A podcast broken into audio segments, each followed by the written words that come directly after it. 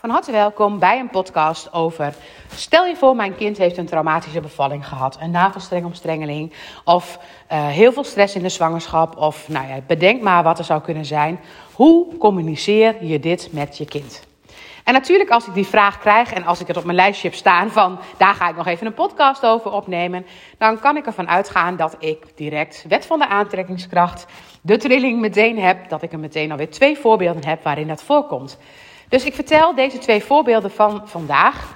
Um, kind 1, zeg maar, dat is een meisje en dat meisje is inmiddels drie. En dat meisje is bij de geboorte, um, of nee, in de zwangerschap is er gewoon al heel, heel, heel veel stress geweest. Echt verschrikkelijk veel stress. En toen ze geboren was, het meisje gilde gewoon. Die gilde en krijste.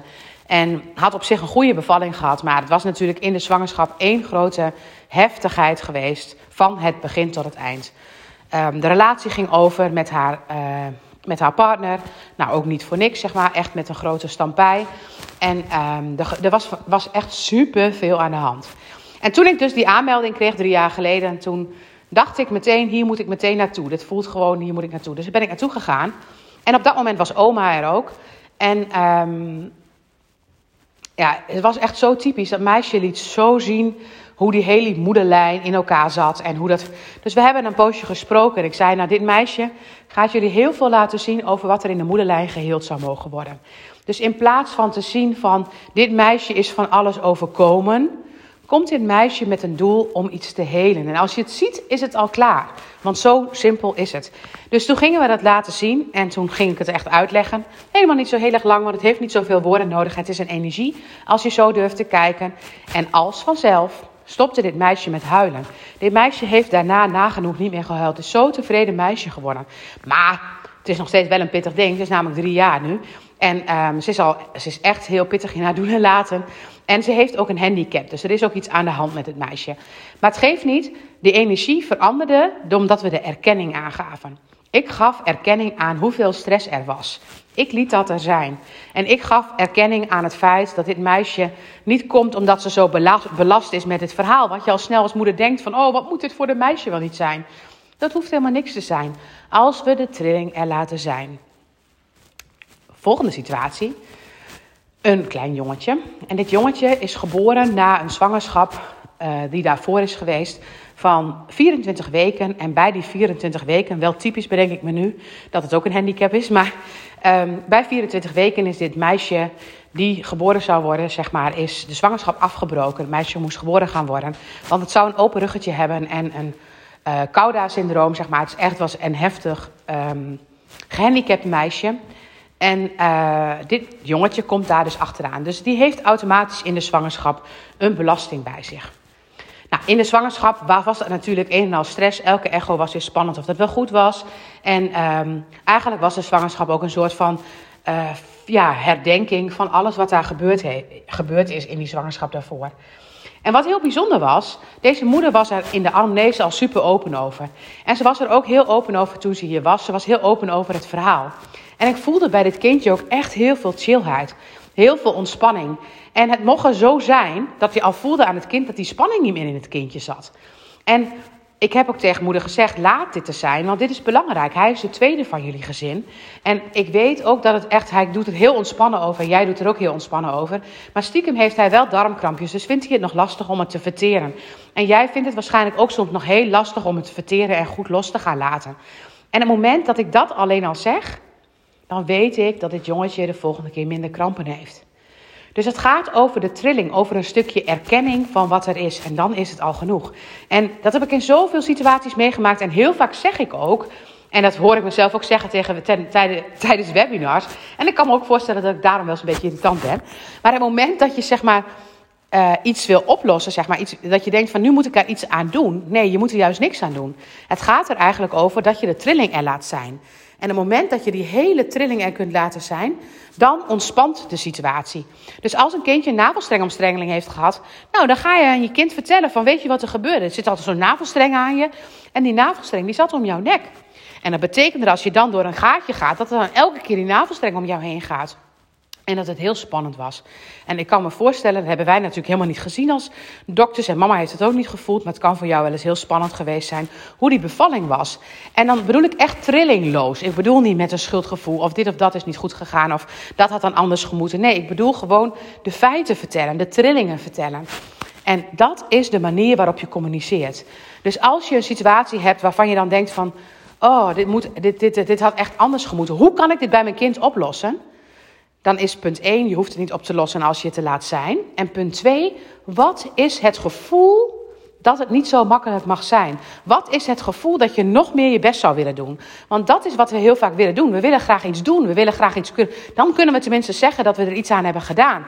Maar dat is eigenlijk uit een angst. Want het moment dat je dat wilt doen vanuit ik moet daar iets voor doen om dat goed te krijgen, dat is niet zo. Het is namelijk echt een trilling. Dit is echt zeg maar het universele wettenmateriaal, waar ik ben nu daar er helemaal weer in.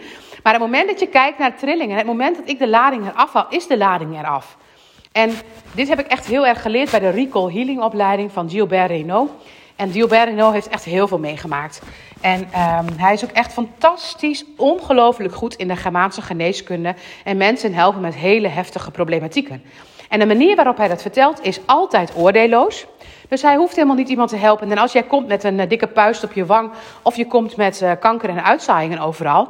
Nu maak ik het even heel groot hoor, maar de, hij gaat er op dezelfde manier mee om, want je hebt een conflict. En wat is dat conflict? En groter denkt hij niet. Terwijl ik denk, als bij een puis, dan denk ik van, nou, wat doe je bij me? Wat een onzin zeg, dat ding is straks een keer geknapt. Dus daar heb ik al een oordeel over. En andersom denk ik van, oeh, nou, dat is wel pittig, daar heb ik ook een oordeel over. En dan leg ik alweer een oordeel erop. Het moment dat ik gewoon de feiten kan zien, dan verandert het. En hij ziet de feiten. Hij vraagt van wanneer is dat ontstaan? En hij is bijvoorbeeld op je zestigste ontstaan. Dan gaat hij daar een soort detective puzzel mee uit. Wat wil je lichaam daarmee oplossen? Net als dat hij bij een puis denkt van ja, wat moeten we het lichaam daarmee oplossen? Je bent gelukkig in de conflictoplossing. En straks is die troep je lijf weer uit. Zo denkt hij dat ook bij alle andere aandoeningen.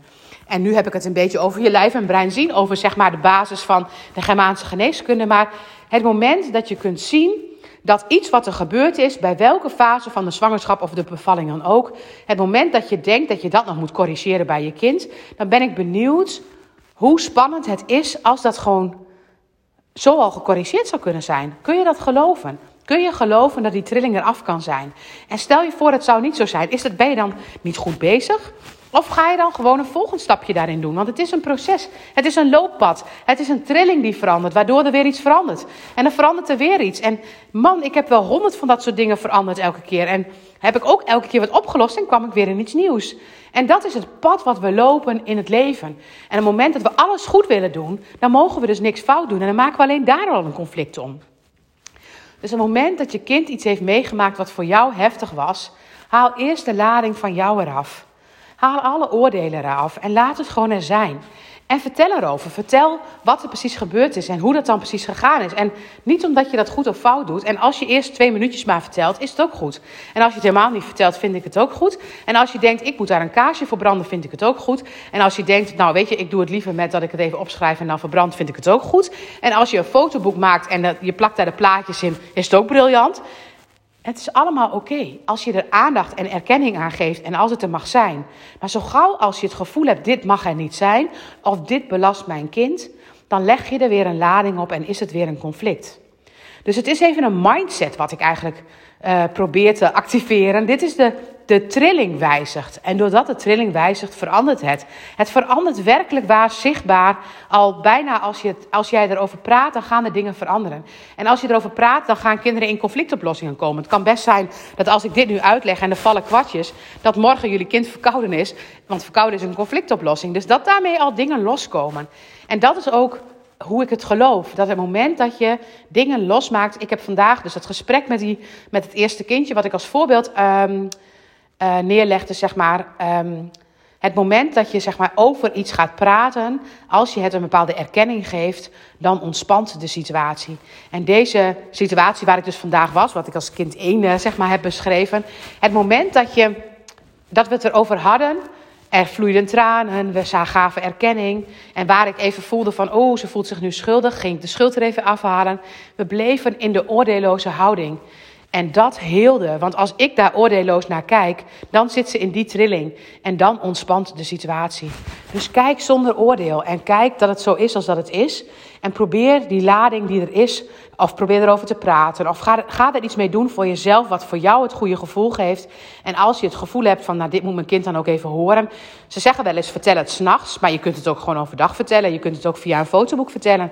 En mijn kinderen vinden het heerlijk om het verhaal nog een keer te horen hoe dat allemaal gegaan is. De ene was nog bijzonderder dan de andere. Dus ik had ook gewoon drie verhalen waar ik er zo iets over zou kunnen delen. En ze weten het. En omdat ze het weten, ja, ik zie heus nog wel eens dingen waar ze tegenaan lopen. Maar niet zo als dat je zou verwachten met hun geboortepatronen. Nou, ik hoop hiermee uitleg gegeven te hebben over wat voor uh, acties jij kunt ondernemen als jouw kind um, een heftige bevalling heeft gehad of iets dergelijks en wat jij dan zou moeten doen en hoe je dat kunt neutraliseren. Dankjewel voor het luisteren.